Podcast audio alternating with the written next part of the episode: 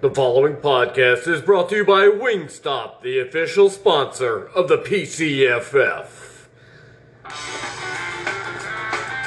Welcome to the PCFF podcast. I am Daniel Hager, live to you shortly after 2 o'clock Eastern on August 10th.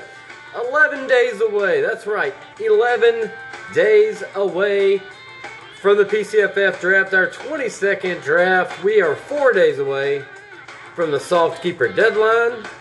We are currently in voting mode. There's two rule changes. I'll have a guest.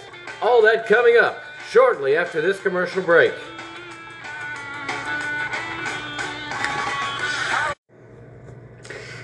Hey, Dad, when when can you vote on the PCF rule changes?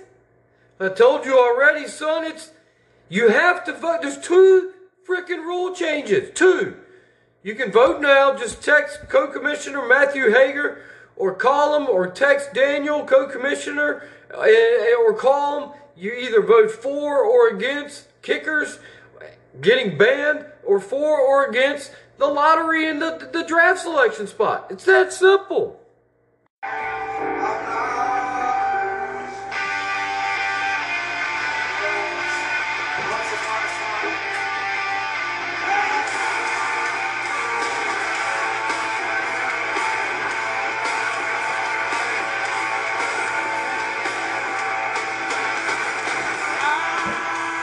That's right, folks. We are trying to get the votes in. We want to probably get it done by the weekend. You're either against banishing kickers or for banishing kickers. You're either for the lottery draft selection spot or against it. There's only two rule changes. We are going to now go to the PCFF podcast live line. I'm going to bring in our special guest today. He is a two time champion, the last time in 2017. Just give me one second to connect, but Miami Militia owner Brian Perry.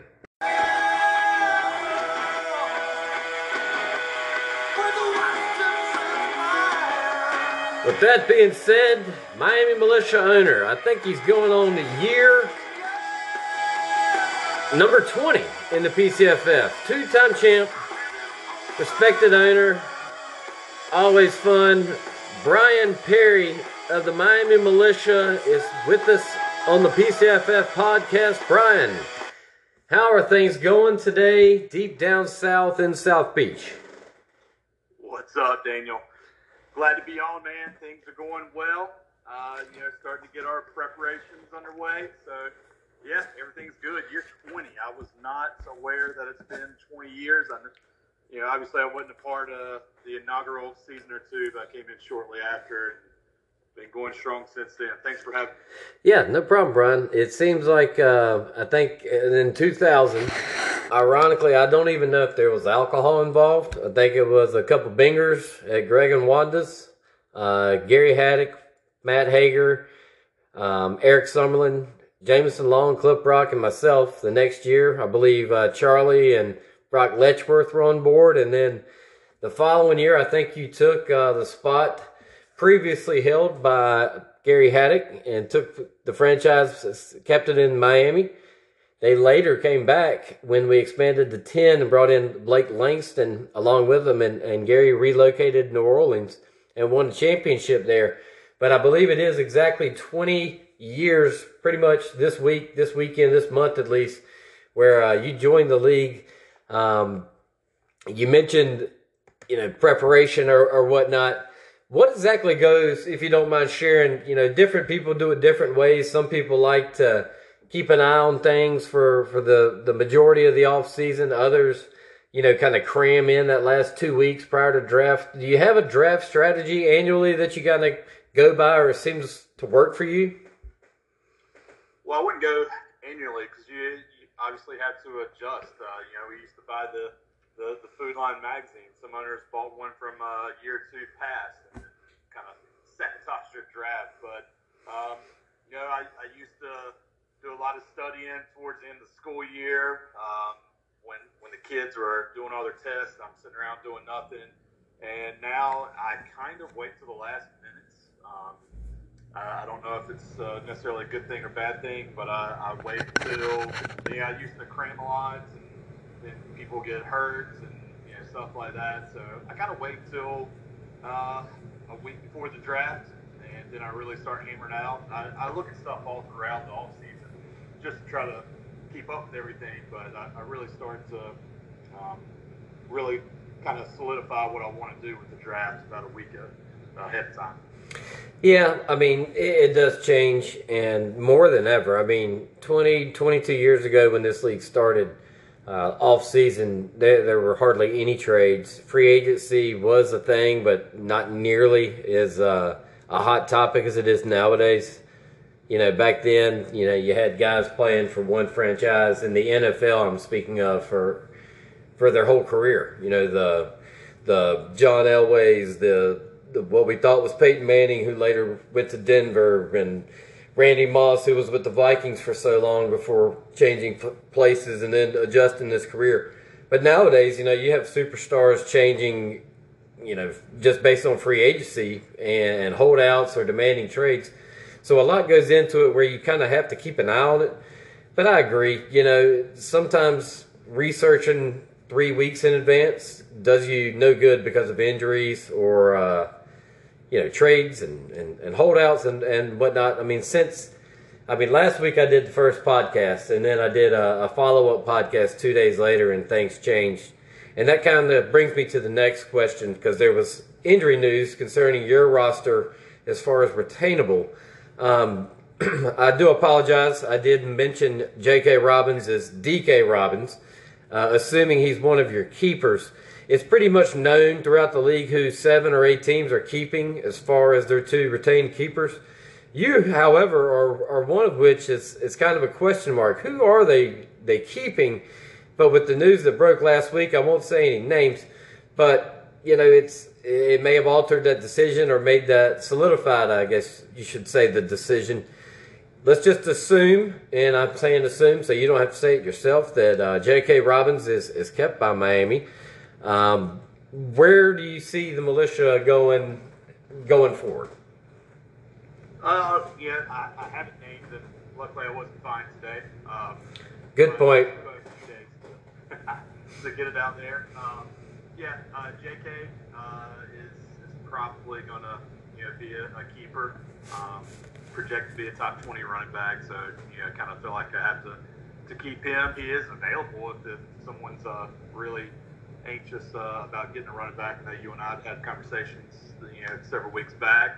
Um, and uh, hopefully it doesn't come back to, to bite you since you, you didn't even get his name right in your podcast. But uh, anyway, valid. Um, yeah, it, it, I could go two running backs. Uh, Keith Henderson, who, you know, uh, because of the injury, looks like he's kind of primed for a pretty big share uh, workload in the backfield. I got a few wide receiver options that I think are uh, pretty solid keepers. So, you know, I haven't fully made my, my mind up yet, but, um, you know, I, I've got about, you know, three, four, maybe even five guys, depending on how they perform in camp, um, who are on my radar to keep right now. Yeah, and that's the thing. I mean, uh, five, six years ago, uh, maybe even four, or three, uh, the years are adding up now. You'd have been in a really good spot. Uh, I having multiple, you know, four or five keeper options, but only keeping two players keeps the draft fresh. I'm glad we went to that rule because, uh, or the the the league changed uh, the options to, to keep two instead of instead of five or, or six or wherever we were at because the draft now is you know, I mean, look at. You know, you have the number one pick overall, and it's not picking between said number running back possibility running back nine and wide receiver four, whereas you know you have running backs one, two, and three right there, pretty much for the taking. Uh, where's Miami looking at? And if you don't want to disclose, I understand, but you know from the perspective of the experts, it seems like Christian McCaffrey would be the ideal option. Uh, care to comment on that? Uh, yeah. I mean, when I chose to have that number one selection, that's you know who is going off number one in most drafts, you know, everywhere, and and um, you know I will probably take Christian McCaffrey overall number one, but um, you know, I took some time in deciding whether I wanted to go with that first pick or second pick or third pick because, you know, obviously now I have to wait until uh, number 20 to, to pick again. Um, so I considered drafting a little bit lower down because there are a handful of, of quality running backs, and then I thought that getting a better second round pick might pay off. But uh, you know, if I stay in that number one spot, it'll probably be McCaffrey. Um, but I'm always open uh, open ears if anyone else is interested in taking that top spot. That's always good to hear. Um, a lot of uh, owners like to negotiate. That's part of fantasy football. Part of part of it makes it fun, makes it almost feel real that you're a GM of a team making moves. Uh, but yeah, I mean, I think the consensus is if you have the number one pick and Christian McCaffrey is available, whether franchise keeper or redraft, that that he is uh, the pick to make. But you never know. I mean, last year I think out of the top ten picks, I think only two or three of them panned out. I think um, I'm not going to say names, but you know, obviously injuries, COVID 2020 was. I'm just going to say it's a wash considering the Carolina Crush this season. So we'll just go with that. Uh, just to kind of get a little, you know, creative. Do you have plans for draft day? Do you do something annually, like to prepare? Do you wake up? Do you make a certain breakfast? Do you have a certain ritual? You know, what's because I'm not going to be at the draft unless something drastically changes with my work schedule in the next week and a half. Tell me about your draft day the night before. You know, I, I sent out a text I remember about 10 years ago. It was the night before draft day, like it was a Christmas uh, little thing, and, and and I got a lot of good feedback on that. I mean, tell me about your draft day, what goes into it, because obviously, you know, we we go back to 2017, and this happened in December.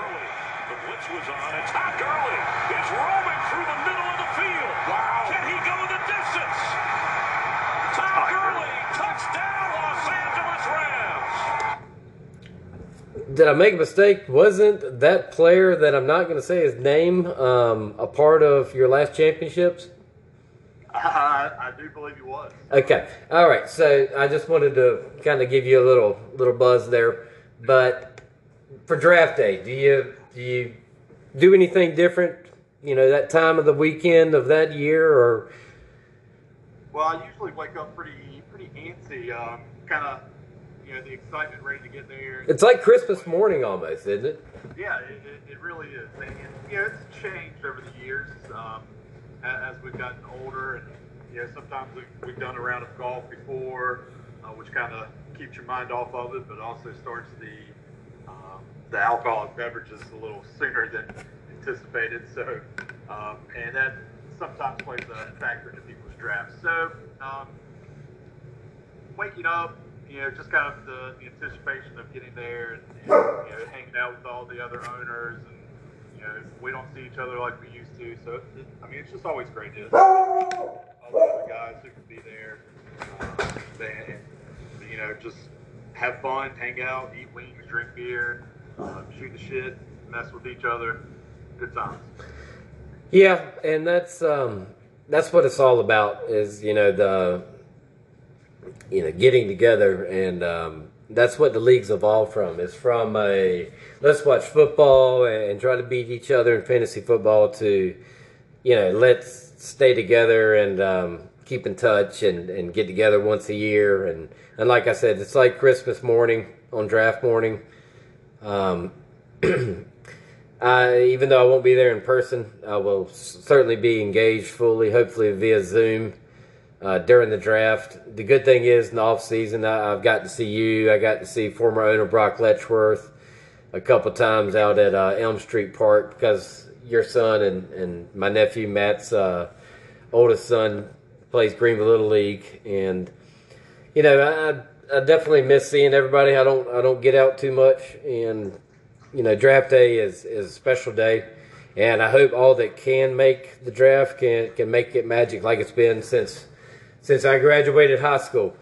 Um, going on to so something else I wanted to touch base on as far as the league is concerned. You know, the, the rule changes proposals deadline was Saturday, this past Saturday, about 48, 60 hours ago. Um, I don't know how many votes are in. They usually go to Matt. He can uh, screenshot it, document it if there's any question on everybody's uh, votes. But there's only two rule changes uh, on the on the table this year. Usually there's four, five, six, something like that. But it's you know the kicker ban, or you know let's go to the lotto as far as the draft selection. Uh, do you care to comment on that? And you don't have to disclose where you weigh, but any comment on that? Uh, yeah, I mean, I, I'm always an open book. I, I'm not going to hide my uh, votes.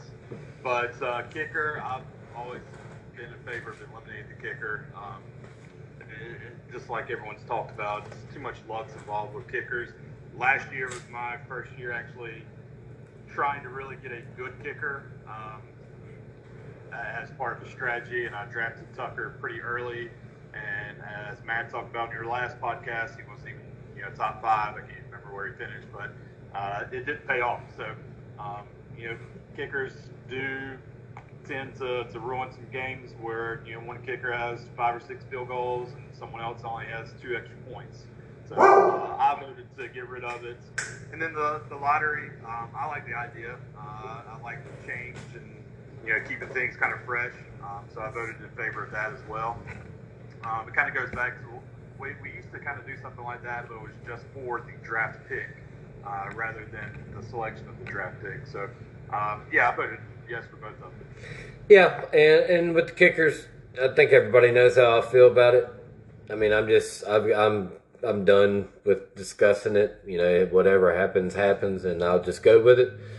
The lotto thing, uh, I mean, I, am free to go wherever the league goes. Really, if everyone wants to change, I'm I'm willing to change. If everyone wants to keep it the same, I'll keep it the same. But those votes need to be submitted to Matt, text, email, phone, whatever, or you can send it to me, and uh, we'll try to wrap that up by the end of the week, by this Saturday when the soft keeper deadline is, which is on the 14th, which is now four days away. Um, as far as teams coming back this year with what we know right this second, because like I said, we could get off this phone call and a half a day from now, you know, somebody could tear an ACL.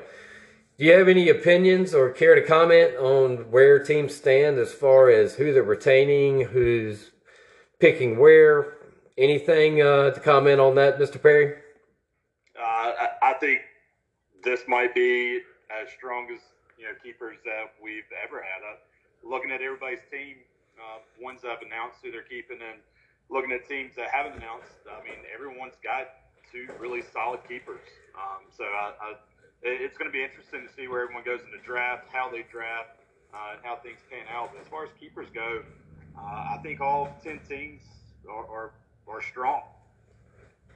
Yeah, I mean that's the cool thing about it. With only two keepers, I mean every squirrel finds a nut. You know, it's you know you can say what you can about you know Charlie. He, he's he's super busy with work and family and, and living the good life sometimes bring magazines to draft. I wasn't there last year, so I would not know if that happened. But I mean, he's he's got you know possibly the greatest quarterback ever in their prime or entering their prime possibly, and then you know he has several options of where he could go with that second uh, keeper. But um, I, yeah, I mean, I, I, know New York really stood out with um, Nick Chubb and Calvin Ridley, assuming they're healthy. And I mean that's that's strong because both of them are, are top ten definitely, if not top five of their position. And, and DC, you know, with with two just based on the the forfeit pick factor, I think uh, both of those franchises are in really good position. Obviously, uh, Tennessee, Kodiak, yourself, and even New Minglewood entering this year are in really good position which whereas before we changed the the format you know going five or six deep whatever it was i believe it was five by the time we changed it. And if your third fourth and fifth keeper sucked compared to the others you were in a you were in a rough spot entering draft day. Speaking of draft day last question. Favorite draft day memories and we have to go back two decades now for you. I remember a couple. I don't remember probably some of them but anything that stands out for you? a lot of them are pretty foggy. Uh, probably much like yourself. Uh, yeah, a couple things stand out. Uh, one one draft that we had at, at Blake's house. Oh, sorry about that. I did the wrong button. All right, you said one draft at you and Blake's house. Yeah, and just seeing Matt Hager step out of his car wearing a, a Tennessee jacket with a briefcase in his hand. Uh, it, it was it was just a hilarious moment. Uh, Brock wrecking the, the moped, uh, you know, another great moment. Um, and this isn't one particular moment, but it's something that I kind of enjoy every year. Uh, is when a really good player is selected in like the ninth, tenth, twelfth round when they already went in like the second or third round. Uh, and that seems to happen every year. It's always hilarious. So I, I look forward to seeing what Jackass is going to draft someone that's uh, taken really, really late that uh, had already been going off the board five or six rounds earlier. Yeah, I'm certainly one that did that. I believe I drafted Steve McNair, rest in peace, like three times one year. And, um, you know, you mentioned Matt with the briefcase and all that. That that's in the uh, brownout uh, area. I, I, I don't even I, I kind of recollect it because I was told about it. But I mean, that was what, probably 12, 15 years ago. Um, Yeah. some of the ones that stick out to me are, you know, when we, we did the draft through a hurricane and we saw on the news while we had the little draft tracker that, you know, it was flooding in Brock's neighborhood. Uh, you may have lived with him at the time. Yeah, yeah. And we looked out front, and everybody's car was basically underwater, and you were dipping uh, Doritos and nachos or whatever it was in um, rainwater. But um, yeah, the the later pick thing always happens. You know, it, it's especially nowadays considering that um, you know we're not in person all and and this that and the other. But you know, obviously there, there's some good moments. I believe uh, Moped Gate happened at a Christmas party because I was on the back of that moped and um, I, I jumped off when I saw where I saw where the moped was going and I jumped off and uh, I believe Brock called us two hours later from the bathroom after vomiting for about an hour or two and we were at B Dubs and B Dubs was actually downtown at the time. That's how far back it goes. But um, is that no anything else to add, Mr. Perry? No, man. Uh, just look forward to it.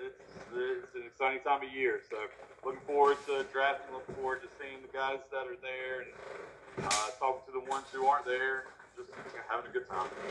Yeah, the uh, camaraderie is is what it's all about. You know, I know there's money involved now. We got to keep up with the Joneses, but um, the PCFF is a is a special league. Glad you're a part of it again. Going on 20 years now, and um, we're uh, we got a good group of guys. And once again, thanks Brian for joining us, and um, look forward to, to keeping up with you the next four or five months at least via fantasy football, and then going forward little league baseball, and you know let's let's stay in touch. Absolutely, man. Appreciate you having me on today, buddy. All right, Brian. I appreciate you, man. That was uh, Brian Perry, the proud owner and uh, two-time champion of the Super Bowl Fantasy. With that note, we've gone a little long, and um, I may bring another podcast again Thursday. I just don't know. I'm pretty ecstatic. This is when I do my study time. Draft day is 11 days away. The keeper deadline, soft keeper that is, is Saturday at midnight. So if you don't know, now you know. And this is the only living proof. I gave you a hint at it a while ago by accident that the lads existed. This is from 24 years ago, older than the PCFF.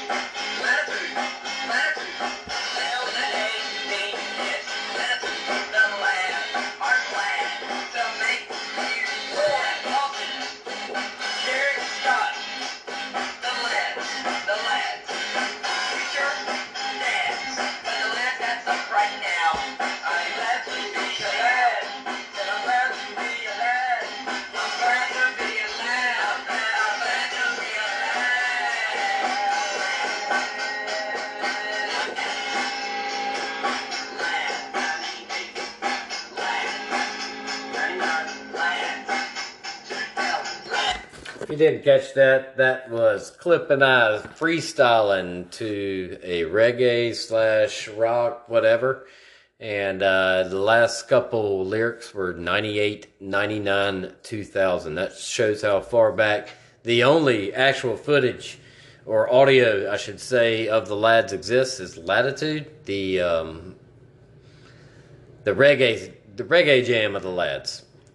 Anyway, Brian Perry, thank you so much for devoting your time to the podcast. I hope the uh, podcast was informative but also entertaining. Uh, with all great due respect to everyone, I'm going to try not to mention any names going forward. We're just over a week and a half from draft day. The soft keeper deadline is this Saturday, the 14th at midnight. Uh, there will be um, ramifications if you do not meet that deadline. So get on the boat and let's go for a ride. The 22nd season is just days away from starting. The following podcast is brought to you by Wingstop, the official sponsor of the PCFF. Welcome to the PCFF podcast. It is Thursday, September the 12th. We are just nine days away from draft day. So, a lot to discuss. We have a guest. I hope all of you are doing well. There's a final uh, decision on kickers, and they are going to remain in the league at least for one more year. After this commercial break, I'll be right back to start the podcast as we enter the 2021 season. The PCFF draft. It's just nine days away.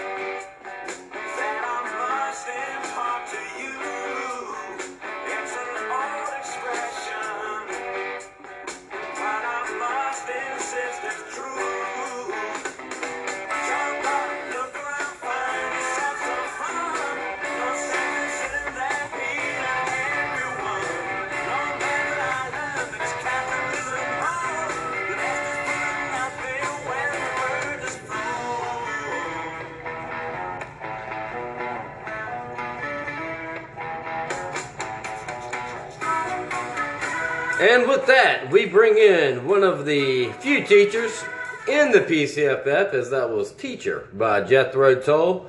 Another teacher down in Wilmington, but calls his home in football season, Kodiak. Byron Hager, how are you today? Thank you for joining the PCFF podcast live line. How's it going, Byron? What's going on, Daniel? Glad to be here today. Hope everybody's having a lovely Thursday. Yes, if you're inside, it's certainly lovely. If you're by the water, it's certainly lovely. If you're out working, it probably sucks. Um, the draft now nine days away. Nine days away, and the keeper deadline is 56 and a half hours from now. Is it's uh, 3:15 p.m. Eastern time as we're recording this. A uh, couple questions. First of all, how prepared for draft day do you feel going into, uh, as of right this second, I should say, from a scale of 1 to 10, where do you feel you're at? 11. 11. Pretty confident. I do my homework, D. Well, that, that's good. You know, we discussed with, with BP last week uh, his approach to the, you know, the off season and monitoring who goes where as far as the NFL free agency and whatnot. And now, um, you know, with fantasy football, there's injuries, stuff pops up in camp. Any given moment, you know, one of your your targets in the draft or, or one of your possible keepers can go down with an injury that, that makes you kind of go, hmm, and, and, and do you really want to keep that player or trust that draft pick? Um, like uh, we mentioned, the keepers obviously do um, in just two nights from now. Uh, do you care to comment on who the Grizz plan to retain? Has anything changed since your last message and the, the league's thread? Uh, yeah. You know, I threw out uh, Miles Sanders and Aaron Jones. Um, after careful uh, consideration and, and talking with head coach Grizzly Adams, I, I, I think we're leaning back towards Lamar just because they've got him a couple more weapons. Um, we've got him at, at, at such a great discount, and you know we've got him possibly for three more years on that discount. So it's probably going to be Aaron Jones and Lamar Jackson. Um, we are a little bit nervous that Lamar has not been vaccinated. Um, you know, I think he's been on that COVID 19 list three times in the past year and a half. So we are a little bit concerned about that. But hopefully he'll get vaccinated. Yeah, uh, it's kind of, you know, a lot of people choose not to get vaccinated, but, you know, if you've been hit with it a couple different times and you're, uh, you know, the most exciting quarterback possibly in the NFL to watch on a week to week basis on a Super Bowl caliber team, it seems smart to go ahead and, and let's just go ahead and do the vaccination. But, you know, it's, I didn't know if you were going to possibly lean towards Cairo Santos as, as a possible keeper option. Uh, your kicker from, from last year's Super Bowl fantasy. Any uh, comment on that? Yeah, I mean, Tyler Bass, um, I believe we wound up with at the end of the year. You know, we went through a gamut of kickers, uh, uh, Jason Sanders being one. Um, Kodiak does realize that kickers are a part of the game, so we plan and, you know, we try to find the kickers that are that are going off. The matchups, who's going to score the points, who's going to be kicking the extra points and the field goal. So uh, it's part of the game, and I'm, I'm pretty happy the PCFF, thanks to Charlie and the Cleveland K9, keeping those kickers alive at, at least for one more year. Yes, Charlie, uh, known nationwide as drafting the kicker the earliest with Neil Rackers. Um, I think that was his first keeper pick um, in that draft. Ironically, if you look up on ESPN the top 20 NFL all time scorers, um, all 20 of them are kickers. And Neil Rackers is not one of them. But um, that's that's just how the uh, the kick the kick goes, I guess. Um, you know, I know it's a toughy situation, but uh, I've gone through it myself. In the 2020 Super Bowl fantasy, uh, it was a, a stock market type game. You know, the games were spread out over the course of four or five days, I think, being around Christmas. Um, you unfortunately came up just short. Hindsight's always 2020, but a lot of heartache and probably some bitterness on, on decisions made. Anything you want to, to talk about as far as that's concerned? Yeah, I- I will say, uh, you know, hats off to Matt. You know, glad he won it. Um, if it can't be this Hager, I would always prefer for it to be another Hager. Sorry, not Hagers, but that's just the way the Hagers roll. Um, you know, if I had it all over to do again, I, I'm not sure I would have done it differently. Um, with the, you know, I, the main thing is, is I sat Ezekiel Elliott for Tony Pollard, and I had I not done that, I would have won the game. Um, but I do sleep better at night knowing that you know the week prior, uh, Tony Pollard was the number one um, scoring running uh, running back in fantasy, and there was a lot of speculation that they were going to be shutting Zeke down. So I went. I, I took a gamble and rolled on Pollard, and, and it turned out that you know, it came out after the game that Zeke had went into, you know, ownership and asked for a lot of carries, he got those carries that game, and it, it sucks, but hey, I, I'm just happy to have made it. It was a great game. I didn't think I had a chance after the Kamara explosion, so it was nice to kind of get back up. Yeah, and you know, on the other side of it, you know, after you know he the the six touchdown performance on uh, I believe it was Christmas Day. Uh, but Matt, you know, he, he, he made a decision to start Kyler Murray over Josh Allen, which ended up being a, a huge mistake and almost cost him. I think uh, Murray had like 10 to 15 points or something, and I think Allen had around 40. So, you know, that's something else that you can always uh, fall back on when, when, you know, tasting that crap that, that was. Like, I, I still, Yeah. in 2004, I played Billy Volek over Brett Favre and uh, actually wrote the numbers down here. Um, the three games leading up to the Super Bowl fantasy that year, I was going up against Brock. Brock had uh, Shaun Alexander, uh, Tiki Barber, uh, Larry Johnson, Marvin Harrison. I mean, he was loaded. And uh, leading up to the Super Bowl fantasy, B- Billy Volek had 269 and three touchdowns, 426, four touchdowns, 492, four touchdowns, and was facing a crummy Denver defense. While as Favre was coming off of 131, zero touchdowns and one pick, 188, one touchdown, 367, two touchdowns, three picks, and um, I played Volek over Favre. It was the start. Favre was playing in a dome, which he never did well in. And unfortunately, that cost me the Super Bowl fantasy. And Brock called me once it became official and reminded me of that. And I'll always be in debt to him for that experience. But anyway, Yeah, and we, yeah, I, I actually think we call those moments uh, Billy Volek moments because that's what uh, Matt Collins told me. He said, "Congratulations on having a Billy Volek moment." well, he'll probably have one soon because it always comes. What comes around goes around. But um, moving on to something else, the live draft experience from a sober perspective. You know, you're you're not one to hide that you know you just don't drink because it was a problem in the past.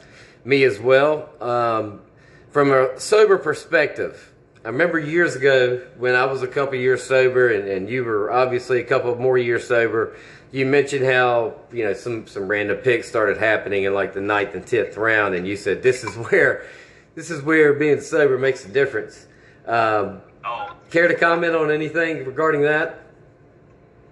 yeah, you know, I've been in the PCFF for like nine or ten years now. You're entering your tenth, so All right, and I think I've either been in the finals or the semifinals probably seven or eight times, and I attribute that solely to being sober at the draft. In fact, I'm almost wondering if you guys are going to require me to maybe eat mushrooms or do something just just on draft day to kind of bring me back to the field a little bit because I do feel like I have a huge advantage, especially you know I mean Christian Okoye got taken in 2013 and he had been retired for nine years, and you know Venus Williams was a right-in pick for a Cleveland Canine back in 2012. Uh, I was I was pretty uh, taken aback by that pick, but uh, at that point I realized, all right, I'm going to have good draft days from here on out. Yeah, um, it kind of answered my next question. I was going to say something about, you know, you're entering your 10th year. You've had a tremendous amount of success. And any secret to the preparation or, you know, the in season strategy as far as pickups, trades? You know, I, I don't have any advice. I don't think I, my strategy is better than anybody else's. All I can say is fantasy football is fluid. It moves the entire year. You know, you can't lose it on draft day. I don't think you can win it on draft day. I think you win it by, you know, just being a participant the entire year. You know, and, and that's how I've always done it. It's just I play it until the very last snap. Yeah, like uh, last year, for instance, I thought, uh, you know, uh, despite the, the situation I was in, I wasn't doing very well uh, mentally, I guess, and uh, just having a rough time.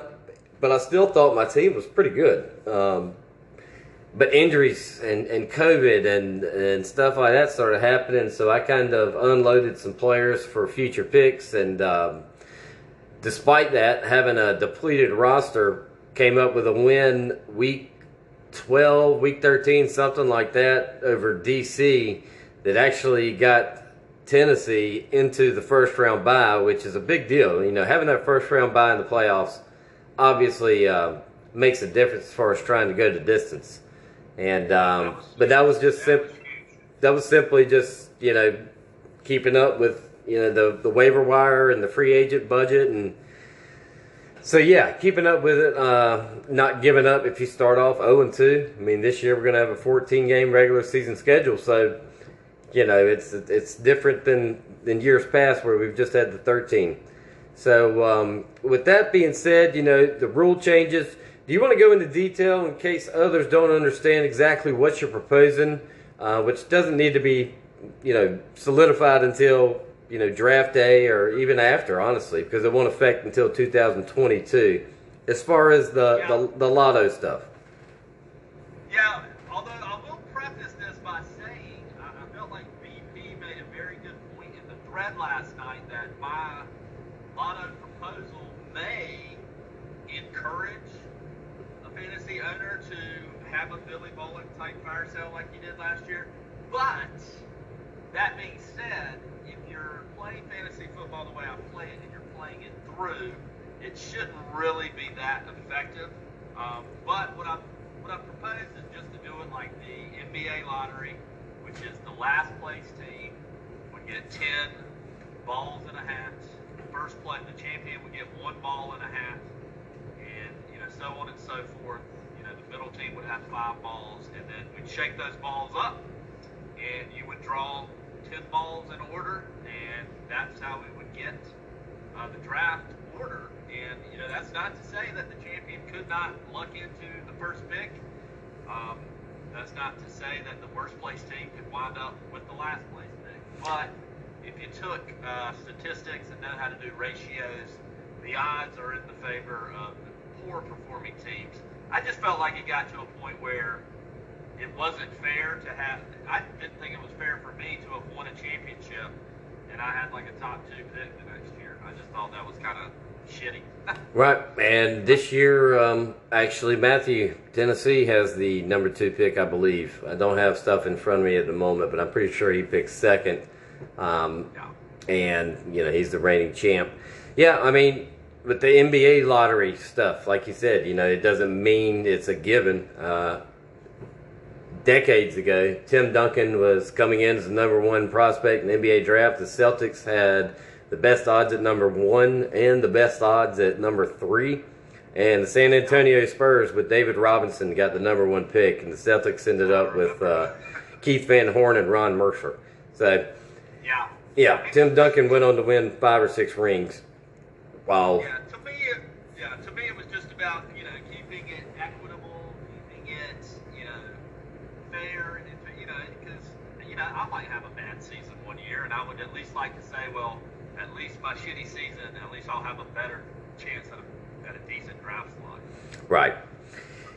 Anything else you want to discuss, Byron? Um, I know you got to go go pick little man up. Um, Yeah, no, I just wanted to. At, at this time, I'm I am trying to physically make it to the draft. Um, I'm going to be contacting uh, Gene Hemby to see if he wants to possibly do some drinking and me do some driving. We just carpool up and back. Um, but uh, I, I'm planning and, and hoping to see everybody on the 21st. That'll be good stuff. yes, I. Um, it, it's um, it's nine days away. It's the PCFF. Everything is a clean slate. The season is upon us. The soft keeper deadline is just two and a half, well, two days and eight hours or so from now. So if you don't know, if you don't name your soft keepers in time, there could be a penalty of a loss of a round of a pick. I think everybody pretty much knows that by now, so they will be getting those in. But Byron, I really appreciate you joining us today, and uh, the best of luck in 2021 and, and, and going forward with everything. All right, Jesus. All right, man. And that's Byron Hager from the PCFF Live Line. Is he's in training camp preparing Kodiak Grizzly for another successful season. They've been nothing but success. Two championships in nine years, plenty of appearances, always a playoff contender. But until the next time, I'm Daniel Hager signing off. Remember that soft keeper deadline. Remember to study. Draft day is two Saturdays from now on August 21st.